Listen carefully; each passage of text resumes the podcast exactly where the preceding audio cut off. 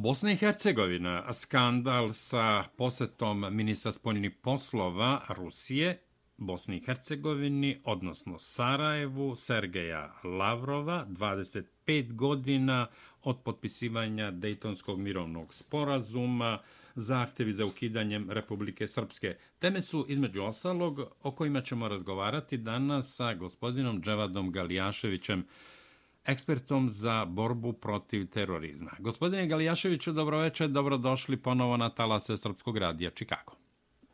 Dobro večer, hvala vam na pozivu. Hvala i vama što odvajate vaše vreme i gostujete i komentarišete aktualne događaje ne samo u Bosni i Hercegovini, nego i šire za Srpski radio Čikago. Gospodine Galijaševiću, molim vas da komentarišate nezapamćen diplomatski skandal koji su priredili dva politička patuljka, nedorasla funkciji koji obavljaju članovi predsjedništva Bosne i Hercegovine Željko Komšić i Šefik Džaferović, odbivši da se sastanu sa ministrom inostranih poslova Rusije jedne od najmoćnijih zemalja na planeti, Sergejom Lavrovim u Sarajevu. Izvolite. Pa, ovo je prilično neozbiljno bilo obzirom da Bosna i Hercegovina gotovo da nema uh, ozbiljnije diplomatske aktivnosti. Niko ne dolazi u Sarajevo. Dakle, uh, pogledajte, provjerite informacije i vidjet ćete da niko, ni jedan ministar inostranih poslova, niko važan ne dolazi u Sarajevo. Ponekad ambasadori OSCE-a, ponekad se ambasadori, oni koji su već u Sarajevu oglase i to je to. Uh, naravno da je da ovo za ozbiljne poznavaoci političkih prilika djeluje uh, i čudno, ali bilo je ovakvih situacija. Mene je čitava ova situacija posjetila na 14. decembar 1941. kada je e, Pavelićeva nezavisna država Hrvatska objavila rat Sjedinjenim američkim državama i Velikoj Britaniji. Dakle, ovaj događaj se desio 15. decembra, pa je očito to e, kod e, tog ustaškog cvijeća iz tog doba izazvalo te asocijacije da konačno nešto odglume pred velikim silama i da pokažu kao hrabrost u nekoj vrsti politike. Nikakva ovo, ovo hrabrost nije. Ovo je prvo nepoznavanje istorije izgradnje Dejtonskog sporazuma, nepoznavanja prve kontakt grupe u kojoj su najvažniju ulogu imale upravo Sjedinjene američke države i Rusija. Dejtonski sporazum u stvari jeste kompromis između Sjedinjene američke država i Rusije, mada su uh, saglasnost na njega i potpis na njega, pored Sjedinjenih američkih država i Rusije, dali i Velika Britanija i Francuska. Dakle, kada se pogleda potpis Viktora Černomirdina u ime Rusije na Dejtonskom sporazumu, Dakle, onda može vam biti jasno sa kakvim mi neozbiljnim ljudima imamo posla. Oni su dakle objavili rat jednoj svjetskoj sili u ime Bošnjaka. Dakle, znaju Rusi odlično da Željko Komšić ne predstavlja hrvatski narod, da je on tu jedan e, politički problem e, ukupnih odnosa i tumačenja e, samog sporazuma, da je izabran na antihrvatskoj kampanji, kao član predsjedništva iz reda hrvatskog naroda, a Šefik Džafer sa druge strane osoba povezana sa teškim ratnim zločinima koje su počinile jedinice koje je on kontrolisao, a koje će posle par godina napasti na Sjedinje američke države u poznatom napadu na svjetski trgovinski centar i Pentagon. Dakle, koji su to ljudi uradili za svakog ko živi u Bosni i Hercegovini, pogotovo uh, E, nas koji znamo kakve to posljedice izaziva e, na duže staze, kakve će izazvati i na kratke staze. Dakle, e, vidimo da ovakva, ovakvo ponašanje ne može proći nekažnjeno. Dakle, i da je neko u ime jednog naroda, jedne sredine, pa djelimično sa sjenom države uradio tako glup i nepotreban potez. Inače, kada smo pratili izjavu ministra Lavrova, koji je bez sumnje jedan od najvećih diplomata danas na planeti, dakle, kada on je rekao da je ovo došlo s polja i da on zna da ovi ljudi nisu to uradili iz svoje glave i da to kod njega izaziva tugu jer Bosna i Hercegovina ne nastupa kao država. Nema samostalnu politiku, ne, ne djeluje jer samostalno ni prema vanje, ni prema unutra i u stvari kao takva ne može postojati a, o, oglašavanje Bakira Izetbegovića, dakle, u kome on da, objasniti... oprostite, Dževade, samo da dodam, da, je, da bi skandal bio još veći, sutradan su zajedno sa Bakirom Izetbegovićem ova dvojica političkih patuljaka sa predsjednikom stranke demokratske akcije saopštili da ministar Sergej Lavrov priča besmislice. I ja sam teo da vas pitam, da li će se po vama ovaj nezapamćeni diplomatski skandal i navodne besmislice olupati o glavu građanima Bosne i Hercegovine, jer smo svedoci da je već juče došlo do problema ili problemčića u vezi snabdevanja Bosne i Hercegovine, odnosno federacije, ruskim gasom. Taj gas uglavnom koriste u Sarajevu. Dakle, taj gas je uglavnom korišten u Sarajevu, a federacija, muslimansko-hrvatska federacija je dužna Rusiji uh, više od stotinu uh, miliona uh, dolara dakle za veći isporučeni gas i nema načina i ne zna kako da to da to isplati. Dakle jasno je da Rusija može ozbiljnije da kazni uh, i, i političko Sarajevo i sve ove igre i tu vrstu politike i da može bitno uticati na političke odnose jer ako pogledamo reakcije na ovaj potez uh, od ljudi koji predstavljaju uh, E, kakvu takvu intelektualnu elitu iz Sarajeva, akademika Durakovića, e, dekana sa političkih nauka Šaćira Filandru, e, poznate analitičare poput Bajtala. Dakle, kad, kada vidimo sve to, vidimo da svi kažu da čak sam vidio i američke analitičare koji su analizirali ovaj ovo ponašanje. Svi ga ocjenjuju kao neprimjereno. I jasno je to da je to neprimjereno, da je to uh, jedna posebna vrsta bolesti i nezrelosti koja ljude gura u nekakve privatne političke reakcije ishitrene, ali ja bih rekao odakle je to došlo. Dakle, upravo onako kako je ministar Lavrov rekao da je to došlo s polja, on nije mislio da je Bakir Izetbegović nagovorio Komšića i Džaferovića, a Izetbegović se pravdao da on to i nije uradio. Iako je imao takav besmislen stav, e, tumačeći govor ministra Lavrova na način na koji je protumačio. Dakle, ovo je došlo iz, iz e, visokog, e, iz kabineta OHR-a, ovo je došlo od Valentina Inska. Dakle, ovaj, ovaj gap je u stvari od još jednog političkog patuljka. Dakle, ovakve stvari nisu uradili E, nisu radili drugi, nego Insko koji je bio nezadovoljan, smatrao se poniženim, e, zbog e, toga što je Rusija organizovala poznatu online debatu na generalnoj skupštini Ujedinjenih nacija i što je u tu debatu uključila predstavnik te legitimne predstavnike srpskog i hrvatskog naroda, predsjednika Milorada Dodika i predsjednika HDZ-a Dragana Čovića. Dakle, on je to smatrao poniženjem. On je preko ova dva patuljka, preko ova uh, ozbiljno poremećena uh, politička uh, lica, u stvari on je pokušao da neku svoju malu uh, osvetu što, što e, i koja vuče iz e, nacističkih korijena, iz drugih korijena, on je rođen u toj porodici, dakle njegova majka je bila sekretarica u nacističkom štabu u Sloveniji, on je bježao preko e, Blajburga, e, mati mu je bježala preko Blajburga, on, on priča o tome često, njemu ne smeta kada se misa za Blajburg pravi u Sarajevu, njemu ne, njemu ne smeta stotine nacističkih handar divizionarskih ili nekih ulica koje danas Sarajevo ima. Njemu ne smeta ni Busulađić, njemu ne smetaju ni, ni uh, 13. SS divizija, ne smeta mu ništa, dakle, što podsjeća na Ustaše uh, u samom Sarajevu ili Hanđar diviziju. Dakle, on je, dakle, da, da ne bude zabune, Valentin Insko uh, e, po svemu je osoba koja je nagovorila uh, ova dva patuljka da urade to što su uradili, a to što su uradili će se olupati o glavu bošnjačkom narodu, pa dijelimično i Bosni i Hercegovini, ali Sarajevu prije svega.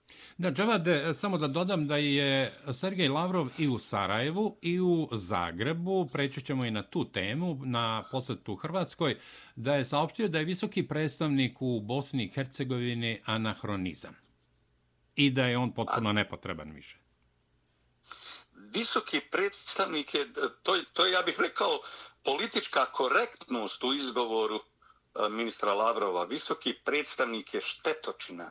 Dakle, to je najveći razbijač e, Bosne i Hercegovine. To je osoba koja svim svojim kapacitetom koji je dobio od takozvane međunarodne zajednice, prije svega sa zapada, dakle, e, koristi da bi spriječio da dođe do pomirenja Bošnjaka sa drugim narodima. Dakle, on drži Bošnjake kao taoce svome bolesnom ludilu i on čini sve korake da sukob između Bošnjaka i Srba, Bošnjaka i Hrvata produbi se, bude još jači. On je osoba koja u stvari podstiče nerealne ambicije u Sarajevu on, on se predstavlja kao komentator. Dakle, on ne samo da je štetočina, on je, kad je riječ o stvarnim problemima Bosne i Hercegovine, sa kojima se i federacija suočava, i Sarajevo suočava, dakle, ako govorim prije svega o ekonomskim problemima, o problemima investicije, govorim o zdravstveno-epidemiološkim mjerama, ulozi u pandemiji, dakle, govorim o pomoći u socijalnim davanjima, ugroženim socijalnim grupama, govorim o ljudima koji ostaju bez posla, gdje je tu uloga visokog predstavnika. Dakle, ne samo, dakle, ne samo da je on, on e, apsolutno nepotreban, on je apsolutno štetna politička pojava u Bosni i Hercegovini koja ničemu ne koristi, ni jedan metar asfaltnog puta nije urađen sa njim, ni jedna penzija, ni socijalno davanje nije uz njegovu pomoć došlo, ni jedan lijek, respirator ili vakcina ili bilo šta nije došlo zato što je ured visokog predstavnika pomogao u tome. Nijedan dijalog o pomirenju. Dakle, mi sada vidimo da taj njegov uticaj na bošnjačku politiku, dakle, a tu mislim i na Izetbegovića, i Džaperovića, i Komšića, Dakle, da taj njegov uticaj na, na političko Sarajevo upravo produbljuje sukobe sa druga dva konstitutivna naroda i čini Bosnu i Hercegovinu nemogućom, neodrživom državom, neodrživom zemljom. Dakle, on je, upravo to je adresa e, koja, koja je trebala davno da prestane da postoji, zato što je beskorisna, zato što je e, u mnogim poslovima štetna i zato što od nje ništa dobro ne može da se vidi ta adresa, sa te adrese je došla ova takozvana diplomatska svinjarija koju su napravili ovi, ova dvojica patuljaka. Dakle, da neko u ime jednog malog naroda ili u ime jedne male sredine ili jednog malog grada, dakle, po svjetskim razmjerama objavi rat Rusiji, pa to baš liči na e, objavu e, Ustaške Hrvatske, nezavisne države Hrvatske, eh, kad je objavila rat Americi i Velikoj Britaniji. Da, a Džavade, kako rekao ste, po vama Valentin Insko je štetočina, ali ta štetočina, da vas citiram, ima preko 20.000 evra mesečne plate, dok narod u Bosni i Hercegovini, posebno u federaciji, gladuje. on ima i više od toga, dakle, on ima i posebno odvojen život, ima posebne eh, bezvjednostne prilike i ugrožen život, dakle, dok god ovdje postoji uh, vojni, vojna intervencija, dok postoji vojna operacija eh, uh, Altea, uh, koju provodi EUFOR, dakle, i kojom upravlja Evropska komanda NATO-a, Dakle, a učestvuju i neke zemlje koje nisu u NATO, dakle, dotle se ovo, ovo područje smatra nestabilnim područjem. Valentin Insko ulaže svo svoje e, znanje i svu svoju mržnju da ta nestabilnost potraje. Dakle, on ima i interes. On je do sada, on je do sada dakle, e, za ovih desetak godina zaradio nekoliko miliona eura. Dakle, u Bosni i Hercegovini nije morao ništa trošiti. Ja ću vas posjetiti na jedan važan događaj. Dakle, zašto bi on odvlačio pažnju Bosne i Hercegovine od problema koje ona ima sa pandemijom, sa ekonomijom, sa socijalnim privanjima, sa budžetima, sa zaduživanjima? Zašto bi odvlačio pažnju? Dakle, sjetite se samo događaja oko E, kupovine respiratori, velike korupcijske afere u kojoj je učestvovao vrh stranke demokratske akcije, u kojoj je učestvovao federalni e, premijer Fadil Novalić, dakle premijer Muslimansko-Hrvatske federacije koji je nelegalno premijer. Dakle, podsjećamo da federacija Muslimansko-Hrvatska nije još izabrala vladu u skladu s izborima koji su bili prije više od dvije godine. Da je ova vlada u tehničkom mandatu i da je ta vlada kupovala nekakve kvazi respiratore vrijedne zajedno, stotinu respiratora je vrijedilo zajedno tek nekih šestotina hiljada maraka. A oni su prikazali kao račun deset i pol miliona dakle, konvertibilni wow. marak. Dakle, zamislite posao koji vrijedi 600.000, a vi ga evidentirate i na njemu uzimate čitavih 10,5 miliona. Dakle, kome ide taj novac? Ko je u stvari podmićen, potplaćen tim novcem? Dakle, da li su zapadne službe spremne da otvore istrage o svojim funkcionerima koje su nama poslali, koji su dio i ovih e, korupci, ovih vrsta korupcionarskih afera na najvišem nivou? Ko ganja pravosuđe? Ko ugrožava i ometa sposobnost pravosuđa da vodi ovakve postupke? Kome ne smeta što nema ni jedne istrage Dakle, do sada nije bilo, dok nije došlo do nove konstelacije u pravosuđu, koju su sa zapadnog nivoa rušili. I evo, srušili su predsjednika VSTV-a, gospodina Tegelki. Dakle, kome smetaju istrage o korupciji, o lopovlucima, o falsifikovanim diplomama u obaveštenoj bezbjednostnoj agenciji, o zloupotrebama položaja, o tajnim snimanjima i o krađi ovih deset i po miliona. Pa smetaju oni koji su također potplaćeni. Dakle, Insko ne dijeli iste vrijednosti sa Bakirom Izetbegovićem, ali vjerojatno dijele isti novac pokraden od bolesnih bošnjaka i Hrvata putem njihove vlade federacije. Dakle, vrijeme je da zapadne službe konačno stave dakle, pod reflektore te svoje ljude koje su nam poslali, te štetočine, jer nema drugog objašnjenja za njihovo ponašanje, za toliku štetu koju nanose i za potpuno odsustvo bilo kakve racionalne politike. Gospodine Galijaševiću, evo, u Bosni i Hercegovini Sergej Lavrov je pod navodnicima dočekan kako je dočekan. Naravno, moramo reći da je predsjednik, odnosno predsjedavajući predsjedništva Milorad Dodik ukazao svu moguću i najveću pažnju Sergeju Lavrovu. Ministar Lavrov je posjetio Beograd i Zagreb, dakle Srbiju i Hrvatsku, a ja bih volao da se zadržimo pre svega na Hrvatskoj, jer to je interesantno. Govorili smo o posjeti Srbiji, gde se susreo sa najvišim zvaničnicima Srbije, predsjednikom Aleksandrom Vučićem, predsjednicom vlade i tako dalje. Međutim, u Zagrebu je dočekan na najvišem nivou. Dakle, dočekao ga je prvo ministar spoljnih poslova Grlić Radman. Posle je razgovarao sa premijerom Plenkovićem, a zatim i sa predsjednikom Zoranom Milanovićem, a prilikom otvaranja nove ambasade Rusije u Zagrebu bila je prisutna i bivša predsjednica Kolinda Grabar-Kitarović, a gradonačelnik Zagreba je izjavio živelo prijateljstvo Hrvatske i Rusije. Kako vi to tumačite, posebno što su iz Zagreba došle velike primjedbe i povodom naravno 25. godišnjice Dejtonskog mirovnog sporazuma primjedbe po pitanju izbornog zakona po kome bošnjaci biraju člana predsjedništva Bosne i Hercegovine iz redova hrvatskog naroda, ali i položaje hrvatskog naroda u federaciji, odnosno u Bosni i Hercegovini, gde je prisutna majorizacija od strane bošnjaka.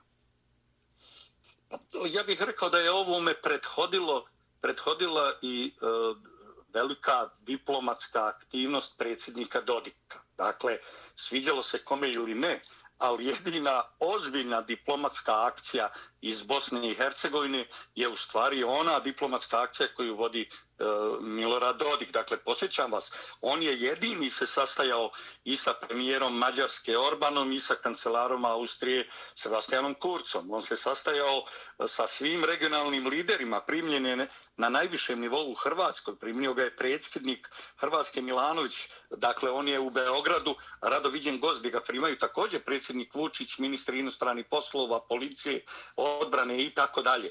Dakle, Dodik je u stvari ta ličnost koja je imala kontakte i sa najvažnijim svjetskim liderima po Putina i poput Xi Jinpinga. Dakle, kad tu pogledamo uh, odnosi, kad vidimo poslije toga izjave koje su uslijedile iz Hrvatske od predsjednika Milanovića, a to da se ne može srušiti Dejtonski sporazum bez saglasnosti 13 naroda i drugo da je Republika Srpska Dejtonska kategorija da ne može biti srušena, da Srbi imaju svoja prava, i da ne mogu i onda dolazi ovo o čemu upravo govorimo dakle a to je da Hrvati su majorizirani upravo te bošnjačke politike. Samo bih podsjetio da u Bosni i Hercegovini dakle Sergej Lavrov je u načelu dobro dočekan a ako pogledate da ga je primio predsjed, predsjedavajući predsjedništva. Dakle, najvažnija politička funkcija to je e, predsjednik Dodik. Da ga je primio Dragan Čović, koji je predsjednik i, i stvarni, autentični tumač interesa Hrvata, predsjednik HDZ-a i Hrvatskog narodnog sabora. Dragan Čović je istovremeno i rotirajući predsjednik Doma naroda u parlamentu Bosne i Hercegovine.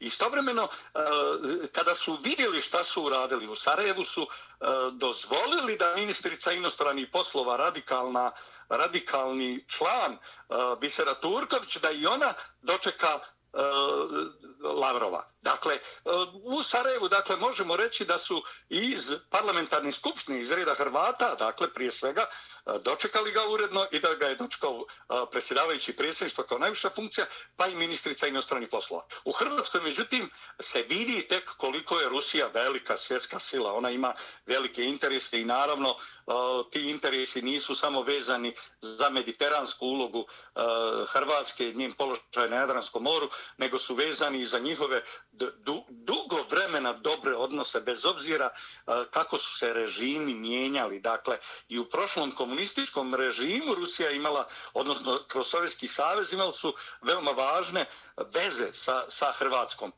Pogledajte i ovu ambasadu koja se otvorila. Hrvatska i Rusija imaju tu poseban ugovor o načinu funkcionisanja plaćanja zakupnine za ambasadu Dakle, na, i, i ruskih predstavništava na tlu Hrvatske i hrvatskih predstavništava u Rusiji. Dakle, e, Rusija praktično ne plaća najam za zgrade, za objekte koje koristi u Hrvatskoj, niti Hrvatska plaća u Rusiji. Istovremeno pogledajte ulogu e, pojedinih snažnih firmi, prije svega Sber banke u sanaciji e, hrvatskih preduzeća e, koja su u padu bila potpuno poslije posle afere, dakle afera u kojima je i konzum trebao pasti. E, u stvari Sberbanka je tu bila pri ruci da Agrokor podrži e, i da, i da podrži i da povoljne kredite, pa čak i da ih nekoliko puta reprogramira. Dakle, Rusija je velika sila, ona može da pomogne, Rusija može i da kazni. E, Hrvati su upravo zato, znajući da nema razloga da budu neprijateljski raspoloženi prema Rusiji, koja naravno kao velika sila ima svoje interese, ima svoja partnerstva. Rusija je vidite koliko su sankcije puta zavedene sa nivoa Evropske unije, a Hrvatska je članica Evropske unije. Vidite odnos NATO-a prema Rusiji. Hrvatska je članica NATO-a. Dakle, vidite i, i odmrzavanje događaja oko e, e, Sjevernog toka 2. Dakle, sve to meni govori. I svi ovi istupi koji su trajali danima i ovaj doček e, Sergeja Lavrova u Zagrebu za mene ima daleko važniju pozadinu. Dakle, ima odmrzavanje odnosa vodeće zemlje u Evropskoj uniji Njemačke sa Rusijom.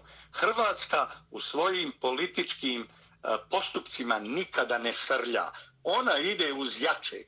Ona je kooperativna jačem i zato je nikada u raznim procesima nisu odbacivali ni fašisti, ni antifašisti, ni e, druge države. Dakle, kako god se mijenjala, Hrvatska je znala biti kooperativna jačem, ona je znala stav svoj provjeriti na adresi u Berlinu. Dakle, ja sam siguran da ovako hrvatsko ponašanje dakle, ima ipak i tu jednu važnu refleksiju a, određenih odnosa Rusije sa Evropskom unijom, a prije svega sa Njemačkom. I to je Halo, Dževade. Dakle, naš gost je Dževad Galijašević. E, e, imamo mali prekid na vezama. Govorimo o poseti Sergeja Lavrova Hrvatskoj. Evo, pokušat ćemo ponovo da uspostavimo vezu. Naš gost je ekspert za borbu protiv terorizma, Dževad Galijašević. Imamo mali problem, na tehnički problem na, na vezama između Čikaga i Magleja u Bosni i Hercegovini. Nadam se da ćemo uspeti. Halo. Da, evo imali smo Halo. mali, mali prekid. Izvolite, Džavade. Da. Dakle, pozitivno, pozitivno hrvatsko ponašanje, iako ima i tu E, pozadinu određenog političkog interesa i ekonomskih interesa dobre saradnje koje Hrvatska ima sa Rusijom, dakle, vjerovatno ima i tu posebnu geopolitičku pozadinu odmrzavanja i približavanja Njemačke. Dakle, ponavljam, Hrvatska e, u svojim političkim postupcima ne srlja, ona provjerava naročito e, su odnosi sa Rusijom klizav teren da bi Hrvatska, mala Hrvatska, koja još nije u potpunosti integrisana u Evropsku uniju kao monetarna ili, ili kroz Schengen zone. Dakle, e, Hrvatska je sigurno provjerila da li može e, uopšte postupiti ovako kako je postupila. I to kod mene budi nadu da je pred nama, dakle da su pred nama, odnosno jedno novo vrijeme u kome će Njemačka otvorenije i više sarađivati sa, sa Rusijom i da je ta poruka poslana nama preko Zagreba. Gospodine Galijaševiću, navršilo se 25 godina od potpisivanja Dejtonskog mirovnog sporazuma u bazi Wright-Peterson. Zaustavljen je rat, ali posle 25 godina Bosna i Hercegovina je nefunkcionalna država, odnosno bolje reći protektorat sa dva entiteta sa visokim međunarodnim predstavnikom i složenim institucionalnim sistemom. S tim u vezi, E, pojavljuju se zahtevi za revizijom Dejtonskog mirovnog sporazuma i zahtevi za ukidanje Republike Srpske. Milorad Dodik i predstavnici, rekao bih svi Republike Srpske saopštavaju da je ukidanje Republike Srpske uvod u nestanak Bosne i Hercegovine, a Milorad Dodik je rekao pre dva dana, ako neko hoće da ukine Republiku Srpsku, mi više nemamo šta da tražimo u Bosni i Hercegovini, istakao da srpski narod ima pravo na slobodu i samostalnost, što ne znači da srpski narod traži secesiju, ali traži ravnopravnost. Molim vas da komentarišete. Pa Dejtonski sporazum je bio najpozitivnija diplomatskim sredstvima nametnuta, nametnuta pojava koja je apsolutno koristila građanima Bosne i Hercegovine. To je istovremeno najveća diplomatska pobjeda američke diplomatije. Ako analizirate američku diplomatiju zadnjih decenija, vidjet ćete velike poraze na Bliskom i Srednjem istoku. Poraze te diplomatije. Da, tamo je vojska razarala Afganistan, Irak, Siriju, tamo je vojska učestvovala u Liviji, tamo su pravili nerede, ali e, poslije su gledali kako da se izvuku iz toga, a praktično u diplomatskom i političkom smislu ostavili su haos ili su ostavili puno goru situaciju nego što je bila. Oni su praktično intervencijom u Iraku približili Irak Iranu učinili da Iran još bude jači. Isto su to uradili i u Siriji. Kada pogledamo dakle i događaje Eh, u Afganistanu vidimo da su oni u stvari praktično brutalnim intervencijama samo eh, podstakli jačanje talibanskog pokreta i talibani su danas bukvalno pod Kabulom, a već kontrolišu trećinu Afganistana. Dakle, zašto bi se američka diplomatija odrekla te svoje veličanstvene diplomatske pobjede? Dakle, nije to samo zaustavljen rat. Dakle, ovdje je dati jedan ustavni okvir koji je u stvari apsolutno polazio od prava naroda utvrđenih i u ranijem ustavu Bosne i Hercegovine, onom socijalističkom. I tamo je postojalo vijeće naroda. I tamo su postojale odluke koje se donose ili kroz društveno-političko vijeće ili kroz vijeće naroda.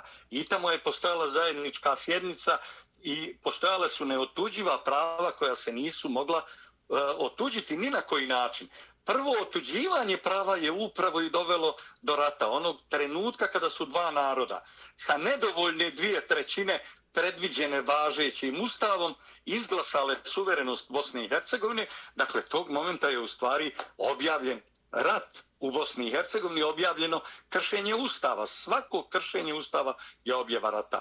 Ovdje je robustna vojna sila sprečavala da dođe do vojnih konflikata, da se e, počnu i poduzmu mjere e, veće integracije društva. Ta integracija je već došla na nivo kada je Bosna i Hercegovina potpuno neefikasna. Dakle, e, čuli smo često iz Sarajeva, e, pa i od Inska i od nekih drugih zapadnih diplomata da je u stvari Dejtonski sporazum ludačka košulja za Bosnu i Hercegovinu. Ne, oni su ludačka košulja za Bosnu i Hercegovinu. Ako neko želi reformisati Dejton, mora krenuti od toga da treba reformisati cijele narode da bi oni trebali dakle odustati od e, Srbi i Hrvati bi trebali odustati od vlastitog nacionalnog interesa. Dakle, iskustvo koje je hrvatski narod kao najmanji brojan u komunikaciji sa nacionalnim interesima najbrojnijeg naroda ima, to je vrlo nepovoljno istorijsko iskustvo, ono produbljuje mržnju i produbljuje sukobe. E, Republika Srpska je svjesna te pojave i ne želi da doživi to isto dakle i da e, dođe do eventualnog ukidanja. Dakle, neće ni doći. Dakle, ja sam prvo siguran da neće ni doći. Vi uh, čak i da reformišete taj najvažniji institucionalni nivo vi u stvari ne možete promijeniti činjenicu da je tamo 90% stanovništva da su Srbi, da je, da je 95% ekonomije srpsko, da su mjesne zajednice sela najniži nivo, gradski, opštinski, pa to su Srbi. Dakle, kako sve to da promijenite da biste stavili nekakav politički sistem koji bi ispunjavao želje Batira Izetbegovića i potplaćenih, korumpiranih zapadnih diplomata poput Valentina Inska? Dakle, to je nemoguća pojava, to se neće ni desiti. Ja međutim mislim da su ovdje ciljevi i Valentina Inska i ono što e, njihova e, ofanzi, ofanzivni medijski talibani rade u pripremi političke agresije. Što su od uvijek radili kad je riječ o demonizaciji e, Srba, demonizaciji Republike Srpske, anatemisanju njenih lidera. Vi pogledajte sve predsjednike Republike Srpske kako su smjenjivani i završavali u zatvoru. Dakle, od Radovana Karadžića, Nikole Poplašena, Momčila Krajišnika, do Mirka Šarovića i tako dalje. Mladena Ivanča koji je suđen i tako dalje. Dakle, kad pogledamo sve te važnije kadrove i kad vidimo u Srbiji na koji način su predsjednici od Slobodana Miloševića završavali, dakle, mi vidimo da ti medijski talibani u stvari žele iznuditi Eh, određenu političku akciju sa nivoa nove nove vlade Sjedinjene američke država, sa nivoa novog predsjednika Sjedinjene američke država i da prave pripremu za to. Ja ne mislim da je njihova ambicija ide toliko daleko da se uh, ukine Eh, Republika Srpska, njihova ambicija ide da se ponovo Srbi obezglavljuju, da se ponovo poduzimaju mjere sankcionisanja eh, njihovih lidera, da se pojedine stranke ili politike sankcionišu pa da se time slabi sama Republika Srpska i da se nastavi taj model slabljenja dok ne dođu neke kooperativne snage na vlast sa kojima bi mogli eh, dogovoriti u stvari dalje institucionalno slabljenje Republike Srpske. Dakle, dakle samo ukidanje Republike Srpske ne vjerujem da je da je dio agende, ali udari na, na pojedince, na važne, na najvažnije kadrove Republike Srpske i na uh, kadrove Srbije, dakle ta specifična ucjena koja se stavlja pred Srbiju, dakle ona više ne glasi ili Evropska unija ili Kosovo, ona sada glasi ili Republika Srpska ili Kosovo. Nečeg se morate odreći. A u pozadini je u stvari,